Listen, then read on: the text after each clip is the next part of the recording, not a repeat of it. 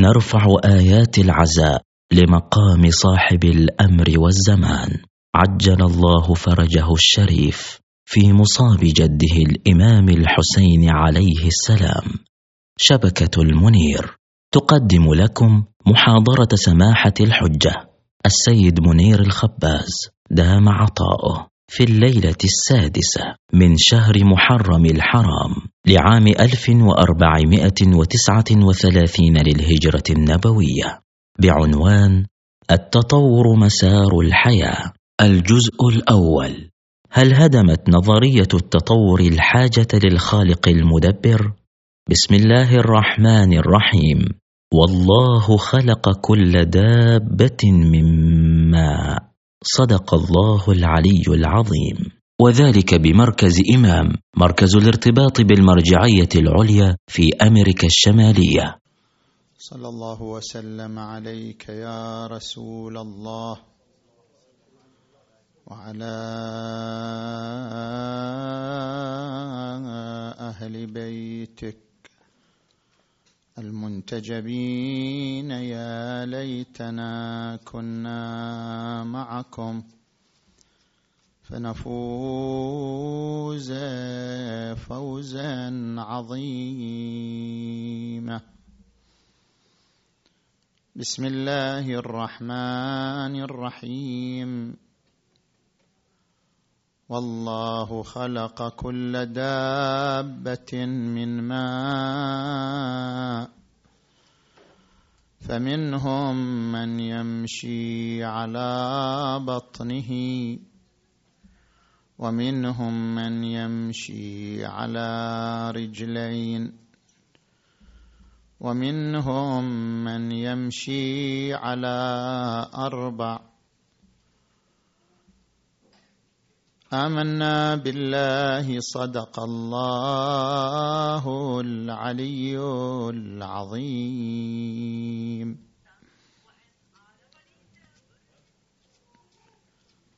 انطلاقا من الآية المباركة وهي قوله تعالى والله خلق كل دابة من ماء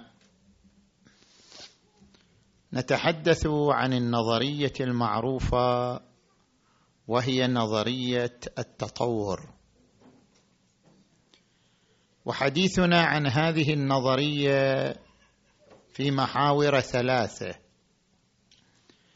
المحور الأول في فهرست هذه النظرية. عندما نرجع إلى العلماء القائلين بنظرية التطور يذكرون أن الانتقال من حالة إلى أخرى قد يكون انتقالا كيميائيا وقد يكون انتقالا بيولوجيا. الانتقال الكيميائي هو ما يعبر عنه بالتطور قبل البيولوجي يعني أن الانتخاب الطبيعي اختار تراتيب قواعد شاذة من أجل تكوين جزيء قريب من جزيء ال DNA قريب من جزيء ال DNA السائد لدى الكائنات الحية.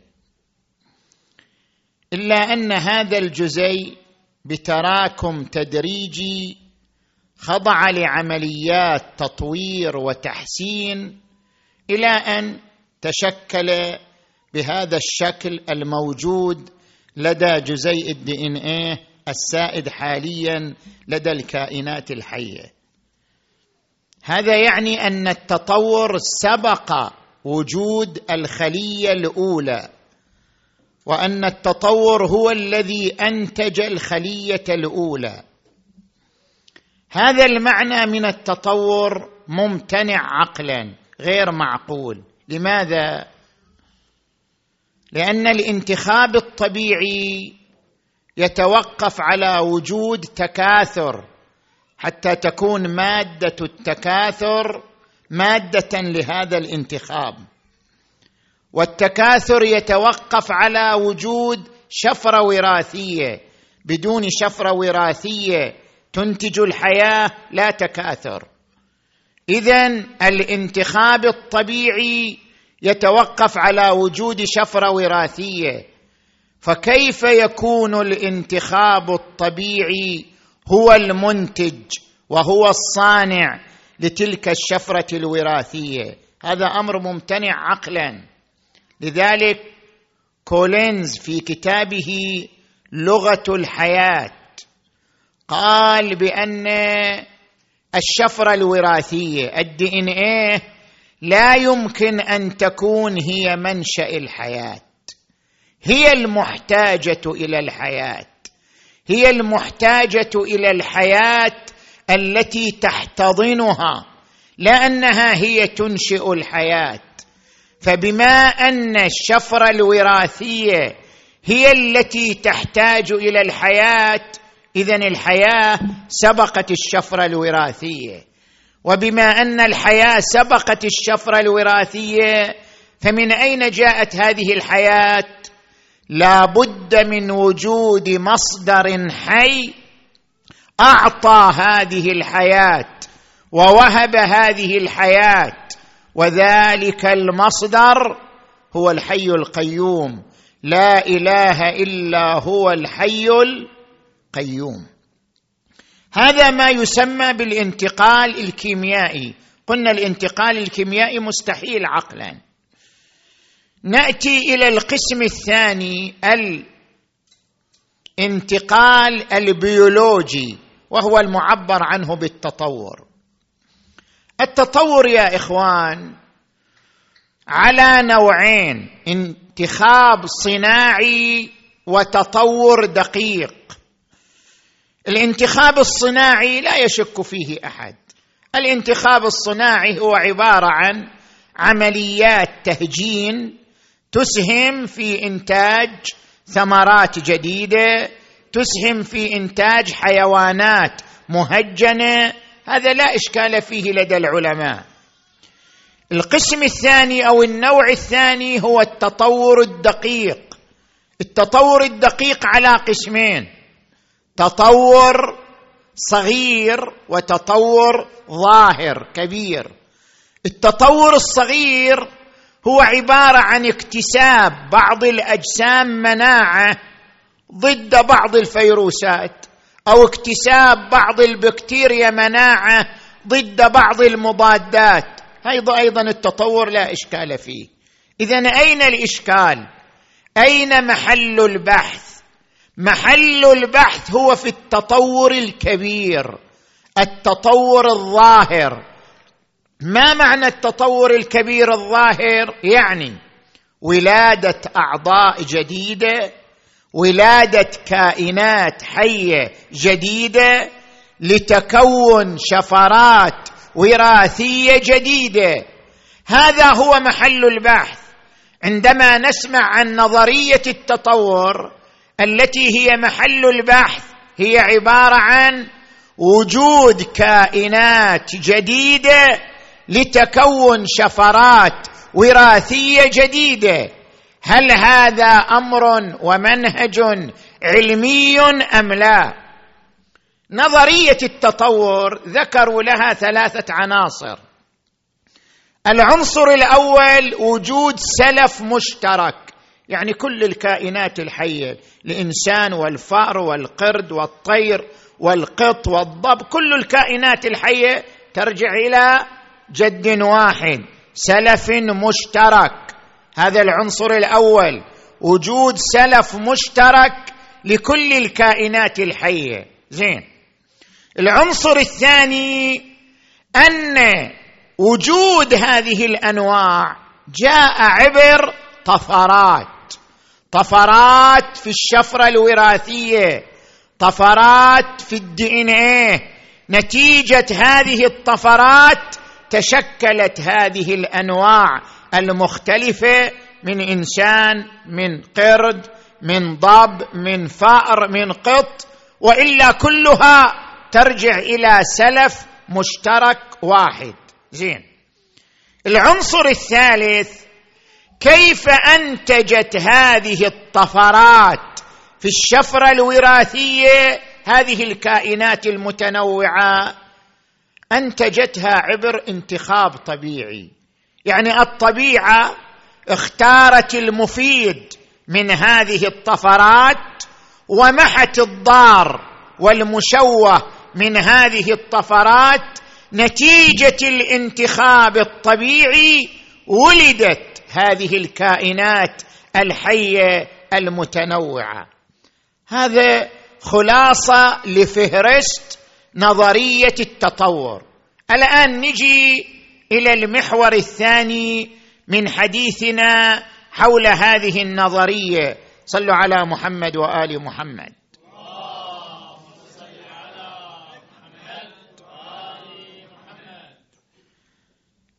أهم عنصر في هذه النظرية هو وجود السلف المشترك. هل فعلا جميع الكائنات ترجع إلى سلف مشترك؟ جد مشترك خلية حية مشتركه بينها أم لا؟ هذا هو المهم في هذه النظرية. ما هو الدليل على وجود سلف مشترك للكائنات الحية؟ هذا هو المهم إثباته في هذه النظرية. الدكتور نضال قسوم بروفيسور في علم الفلك له عدة محاضرات في نظرية التطور والدفاع عنها وتأييدها وذكر الأدلة الوافرة حولها. زين؟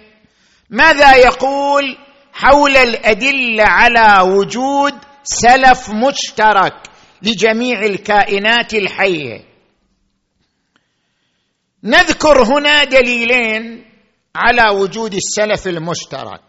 الدليل الأول يقول لو قمنا بفك الشفرات الوراثية لكل الكائنات الحية. وعندنا سلسلة طويلة من هذه الشفرات الجينية. إنسان القرد القط الطيور جميع هذه الكائنات. لو قمنا بفك الشفرات الجينية لهذه الكائنات المقدرة بعشرات الآلاف من الشفرات نجد أنها متطابقة بنسبة كبيرة جدا. خصوصا بين الإنسان وبين الشمبانزي. إذا قمنا بفك هاتين الشفرتين ودراستهما نجد تطابقا بينهما في الإنسان والشمبانزي بنسبة ثمانية وتسعين بالمئة وسبعة فاصلة سبعة. تطابق بين هذين النوعين. هذا التطابق بين النوعين يظهر لنا أن الشمبانزي والإنسان يعيشان نفس النظام الجيني ونفس وحدة العمل بحيث لو أخذت خلية حية من شمبانزي. وضعتها في الإنسان تعمل. وتشتغل كما كانت في جسم الشمبانزي تماما. بل تتكاثر وتنمو من دون أن يشعر بها الإنسان. نظير تماما الفيروس الذي يدخل جسم المريض ويتكاثر وينمو دون أن يكتشفه المريض. الخلية الحية لو انتزعت من الشمبانزي وعوضت عن خليه حيه في جسم الإنسان لعملت عملها لأن النظام الجيني بين الإنسان والشمبانزي نظام واحد. زين. هذا يدل على ماذا؟ يدل على وجود سلف مشترك بين الإنسان وبين الشمبانزي. زين. هذا الوجه الأول من الدليل. نجي إلى الوجه الثاني.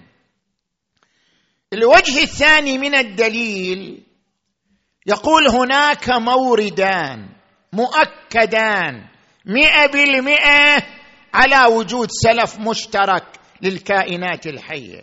المورد الأول عندنا عناصر عتيقة متكررة وهي تتابع من القواعد الناشزة التي زرعت نفسها بين الجينات في أماكن مختلفة من الكروموسومات دون أن تقوم بوظيفة محددة. يعني أنت عندك كروموسومات لا تقوم بوظيفة محددة أو بعضهم يعبر عنها بجينات كاذبة موجودة ولكنها جينات كاذبة. بنفس التتابع بنفس الموضع موجودة في الفأر أيضا. يعني في الإنسان والفأر توجد هذه المجموعة من العناصر العتيقة المتكررة لا عمل لها لا وظيفة لها. بل توجد بها تشوهات في الإنسان والفأر بنفس الموضع وبنفس التتابع. هذا يكشف عن ماذا؟ يكشف عن وجود سلف مشترك للإنسان والفأر وإلا لما تطابقا في هذه القواعد المتكررة العتيقة التي لا وظيفة لها ولا عمل لها. زين. المورد الثاني وهو أهم دليل.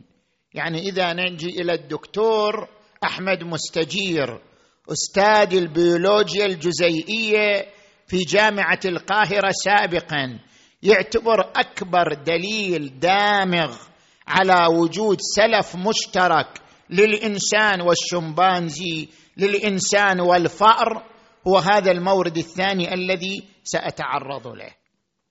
يقول لاحظوا عدد زوج الكروموسومات في الإنسان 23 زوج من الكروموسومات عددها في الشمبانزي 24 زوج. ربما الإنسان يقول اذا أكو فرق. شمبانزي 24 زوج من الكروموسومات الإنسان 23 زوج من الكروموسومات اذا بينهما فرق. يقول لا عند التدقيق نجد أن الكروموسوم اثنين في الإنسان يحتوي على نفس الجينات الموجودة في في الكروموسومات الموجودة لدى الشمبانزي. يعني ماذا حصل؟ يعني حصل اندماج بين نوعين من الكروموسومات في الإنسان وصار العدد 23 وإلا هو شنو؟ 24 يعني السلف المشترك هناك سلف مشترك بين الإنسان وبين الشمبانزي. هذا السلف المشترك يمتلك 24 زوج من الكروموسومات. يعني ما يساوي 48 كروموسوم. 24 زوج. ولكن في بعض أبنائه أبناء هذا السلف المشترك الذي تطور وصار إنسان حدث اندماج بين نوعين من الكروموسومات. حدث اندماج في أحد الأزواج. نتيجة هذا الاندماج صار الإنسان عنده 23 زوج بينما الشمبانزي بقي 24 زوج. ما الذي يدل على وجود هذا الاندماج؟ كيف نستدل على أنه فعلا حصل اندماج لدى الفرد الذي تطور إلى شكل إنسان؟ يقول لك الدليل على ذلك أن هذا الكروموسوم اثنين الذي حصل فيه هذا الاندماج نجد فيه اثنين centromere. بينما بقية الأزواج كلها فيها واحد centromere. هذا دليل على ماذا؟ دليل على أن الاندماج حصل بين اثنين منفصلين من الكروموسومات كون العدد ثلاثة وعشرين مقابل عدد أربعة وعشرين. إذن اعتبروا هذا دليلا دامغا على وجود سلف مشترك بين الإنسان وبين الشمبانزي. زين اللهم صل على محمد حينما نقيم هذه الأدلة طبعا نحن لسنا مع نظرية التطور ولسنا ضدها. إحنا ننقل بحث علمي جدال علمي بين العلماء المهتمين بهذا المجال. هل هناك من العلماء المختصين بهذا المجال من أنكر وجود السلف المشترك؟ أو شكك في وجود السلف المشترك؟ نعم. ارجع إلى كتاب العلم وأصل الإنسان. هذا الكتاب لمؤلفين ثلاثة تحدثوا عن مسألة آه، الأصل المشترك والسلف المشترك. آن جوجر دوغلاس أكس كيسي لسكن ثلاثة مؤلفين كتبوا هذا الكتاب العلم وأصل الإنسان. فندوا مسألة السلف المشترك. لماذا؟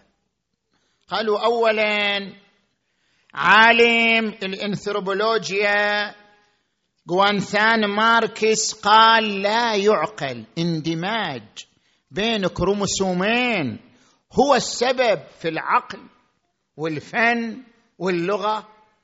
يعني هذا التحليل كله يقول ليس بيننا وبين الشمبانزي فرق إلا شنو الفرق الوحيد بين الإنسان والشمبانزي؟ الفرق الوحيد أنه حصل اندماج بين كروموسومين صار هذا الاندماج بالنسبة للإنسان 23 زوج من الكروموسومات بينما بقي الشمبانزي 24 زوج. هل يعقل أن هذا الاندماج بين نوعين من الكروموسومات هو الذي شكل الإنسان؟ هو الذي أعطى هذا المخلوق العقل والفن واللغة وجميع القدرات؟ هذا أمر غير معقول. لذلك قال نحن لا نكذب هذا الاندماج. لكن ليس أصله السلف المشترك. هذا الاندماج موجود لكن ليس أصله الشرف السلف المشترك. نحن نحتمل سيناريو آخر. نحتمل أن الإنسان الأول الإنسان البدائي هو الذي حصل لديه هذا النوع من الاندماج بين اثنين من الكروموسومات وانتقل إلى نسله وذريته. لا أن هذا يكشف عن وجود سلف مشترك بين الإنسان وبين الشمبانزي فضلا عن الكائنات الأخرى. هذا اولا. ثانيا هم يقولون توجد عناصر عتيقة متكررة لا عمل لها موجودة في الإنسان والفار. فليش لا عمل لها؟ ليش عاطلة عن العمل؟ هذا دليل على وجود سلف مشترك بينهما. كان واجدا لعملها نتيجة التطور فقدت العمل. يقول لا. قام علماء ببحث هذه النقطة وأظهروا أن لها وظائف حيوية تقوم بها وليست عاطلة عن العمل وليست عاطلة عن الوظيفة بل لها وظائف حيوية تقوم بها. لاحظوا ما ذكره ريتشارد شتنبرغ عام 2002 حيث تحدث أن لا يوجد لدى الإنسان جينات كاذبة لا يوجد لدى الإنسان عناصر عتيقة متكررة لا عمل لها بل لها وظائف حيوية فاعلة. زين. هذا هو الاستدلال على وجود السلف المشترك وهذا ما ذكر له من نقاش. إحنا نجي إلى المحور الثالث والأخير من حديثنا حول هذه النظرية صلوا على محمد وآل محمد.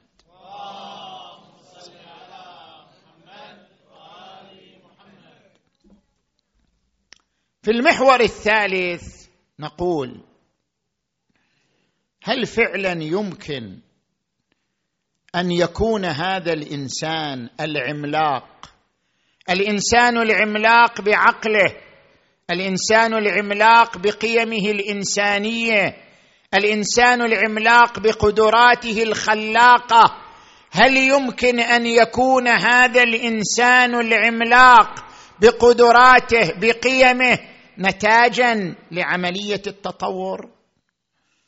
أم أنه هناك عوامل أخرى تدخلت فكونت هذا الإنسان العملاق؟ لاحظوا معي. قال بعض علماء النظرية نظرية التطور أن هذه العملقة الإنسانية نشأت عن الطفرات العشوائية للشفرات الوراثية إلى أن تكون هذا الإنسان. نوقش هذا. كيف نوقش؟ قالوا الطفرات العشوائية ليست إلا أخطاء تحدث في تتابع الحروف المعبر عنها بالنكلوتايد يعني حروف التي تتكون منها الشفرة الوراثية. هل يمكن لهذه الأخطاء أن تحدث تغيير يؤدي إلى تعديلات مفيدة تظهر في ذرية الكائن الحي ويؤدي تراكمها إلى ظهور كائن جديد هذا غير معقول. لماذا؟ حدوث هذه الطفرات في كل مئة ألف حيوان منوي أو بويضة تحدث أربع طفرات. وتسعة وتسعين بالمئة من هذه الطفرات ضارة يبقى واحد بالمئة. هل هذا الواحد بالمئة هو المتكفل؟ لحدوث هذه التعديلات في الشفرة الوراثية حتى تؤدي بعد تراكم بطيء إلى ولادة هذا الإنسان العظيم أو ولادة الكائنات الجديدة. هذا احتمال جدا ضئيل احتمال جدا لا يعتنى به. لذلك أيضا عالم الميكروبيولوجيا السويسري آرفر يقول نحن قمنا بتجارب. على ما يسمى بذبابة الفاكهة. قمنا بتجارب على ذبابة الفاكهة لإحداث تغيرات في الشفرة الوراثية لهذه الذبابة. ماذا كانت نتيجة التجارب؟ التجارب أنتجت أشكال مشوهة ما أنتجت تطور. وهذا دليل على أن الطفرات العشوائية لا يمكن أن تنتج تطور. إحنا في ثمانمائة جيل من ذبابة الفاكهة قمنا بتجارب عليها لإحداث تغيرات في الشفرة الوراثية لتنتج لنا جيلا أفضل. ما أنتجت لنا إلا جيلا مشوه. فكيف نعول على الطفرات العشوائية أن تكون هي المنشأ لولادة الإنسان؟ وهي المنشأ لتكون الإنسان. نقاش أخير وأختم به لا أطيل عليكم في هذه النقطة. البحث صاير بحث تخصصي جاف لذلك مو الكل متفاعل مع هذا النوع من البحث. فلذلك نحن نذكر هذا النقاش الأخير ونختم به. النقاش الأخير الإبهار الخلقي. هل معقول أن الابهار الخلقي يرجع إلى هذه الطفرات العشوائية؟ مثلا ما هو من أمثلة الابهار الخلقي؟ يقولون ظلت الكائنات وحيدة الخلية هي التي تتكاثر بالانقسام الثنائي على كوكبنا ثلاثة بليون سنة. ثلاثة بليون سنة فقط تتكاثر الكائنات آه، ذات الانقسام الثنائي يعني التي لا تتكون من ذكر وأنثى. كائنات ذات نمط واحد ذات نسق واحد. زين. بعد ثلاثة مليون سنة كيف تحولت إلى نمط؟ كيف تحولت إلى نمط آخر؟ وهو نمط التكاثر الجنسي. يعني كيف تحولت إلى نمط يتألف من ذكر وأنثى. كانت الكائنات الحية على كوكبنا ثلاثة بليون سنة تتكاثر من نمط واحد. نمط انقسام ثنائي لا ينقسم إلى ذكر وأنثى. كيف انتقلت إلى النمط الآخر وهو أنها تنقسم إلى ذكر وأنثى؟ ما هو السر في ذلك؟ هل السر هو طفرات عشوائية في الشفرة الوراثية؟ يقولون هذا أمر غير معقول. لماذا؟ لأنه كيف تكونت هذه الكروموسومات المتماثلة في كل من الذكر والأنثى بحيث يلتقيان عند إخصاب البويضة ويكونان زوج الكروموسومات المتماثل؟ من دون أي تصميم. هكذا طفرات عشوائية. كيف تشكل جسم الأنثى على الهيئة التي تثير الذكر الذي يوجه مزاجه هرمون جنس ذكوري من دون تذوق جمالي؟ كيف نشأت الأنثى مثيرة للذكر؟ كيف تشكلت هذه الكروموسومات المتماثلة بحيث تلتقي عند إخصاب البويضة لتشكل ولادة جديدة. كل هذا بطفرات عشوائية. كل هذا بدون تصميم وراء ذلك. هذا احتمال ضئيل لا يعتنى به بحسب المنهج العلمي. اذا نرجع إلى المربع الأول نرجع إلى النقطة الأولى لنقول من الممكن أن نؤمن بنظرية التطور ولكن في حدود شكل الإنسان في حدود مظهر الإنسان. يعني أن نظرية التطور ساهمت في تغير شكل الإنسان في تغير جسم الإنسان. أما أن نظرية التطور هي التي ساهمت في ولادة القدرات العقلية للإنسان القيم الإنسانية للإنسان القيم الفنية للإنسان فهذا أمر غير محتمل. الإنسان ليس جسدا فقط الإنسان ليس مظهرا ماديا فقط. من الممكن أن تسهم نظرية التطور في هذا المظهر المادي. لكن أن تسهم هذه الطفرات العشوائية في ولادة القدرات العقلية ولادة القيم الإنسانية فهذا أمر غير معقول. ولادة الإنسان بهذه العملقة وبهذه القدرة يكشف عن تصميم إلهي وراء هذا التطور أوجد وأنتج لنا هذا الإنسان العملاق. هذا الإنسان العملاق في قدراته العقلية الذي بنى الحضارات المختلفة على مدى التاريخ. هذا الإنسان العملاق في قدراته الفنية الذي أنتج الشعر والأدب والفن والرسم. هذا الإنسان العملاق في قيمه الإنسانية في قيمة الإيثار في قيمة التضحية في قيمة الإرادة الحرة في قيمة الفداء. هل يمكن أن تستند كل هذه القيم إلى هذه الطفرات العشوائية؟ الأمر ليس كذلك.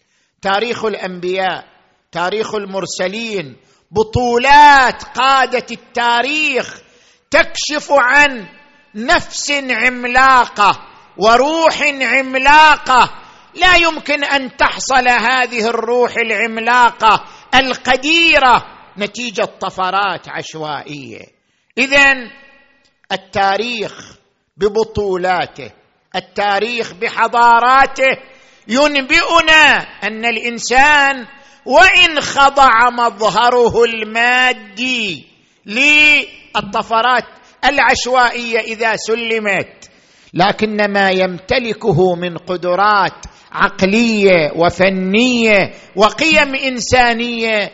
لا يمكن أن ترجع إلى هذه الطفرات بل تكشف عن تصميم إلهي أبدع هذا الإنسان. يا أيها الإنسان ما غرك بربك الكريم الذي خلقك فسواك فعدلك في أي صورة ما شاء ركبك. لقد خلقنا الإنسان في أحسن تقويم بلحاظ عقله بلحاظ قدراته الفنية بلحاظ قيمه البشرية. تاريخ الأبطال يكشف عن أن هؤلاء الأبطال جاءوا نتيجة تصميم إلهي.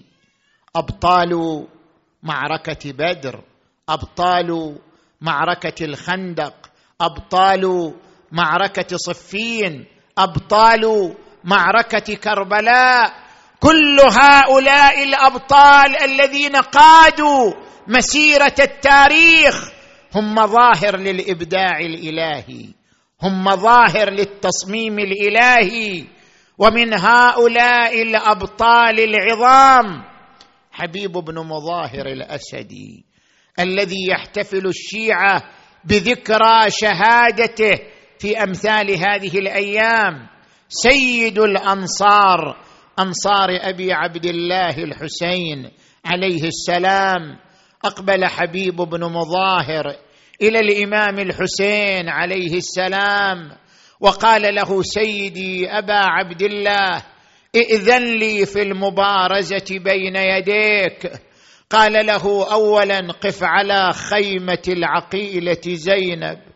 فخر المخدرات خذ الإذن منها خذ الرخصة منها. وقف بأبي وأمي وحوله الأنصار يرفعون راياتهم وسيوفهم. وقف على خيمة العقيلة زينب سلام الله عليها. قال السلام عليكم مخدرات علي وفاطمة. السلام عليك يا عقيلة النساء. السلام عليك أيتها الحوراء يا ابنة أمير المؤمنين. قالت عليك السلام من المسلم؟ قال أنا حبيب بن مظاهر الأسد خادمكم ناصركم. وهؤلاء الأنصار حولي هل هناك من إذن؟ هل هناك من وصية؟ التفتت إليه قالت حبيب أوصيك بوصية أمي فاطمة الزهراء. أوصيك بنصرة هذا الغريب أبي عبد الله الحسين. يا أهل الشيام يا أهل الشيام هذا محلكم. لليوم ما ندخر هممكم. شنو العذر يا كرام منكم؟ تخلون بالشدة حرمكم. وإذا هم يتسابقون بين يدي العقيلة كل ينادي فداء يا حسين لبيك يا حسين. وما هي إلا دقائق وإذا هم صرعى على الثرى.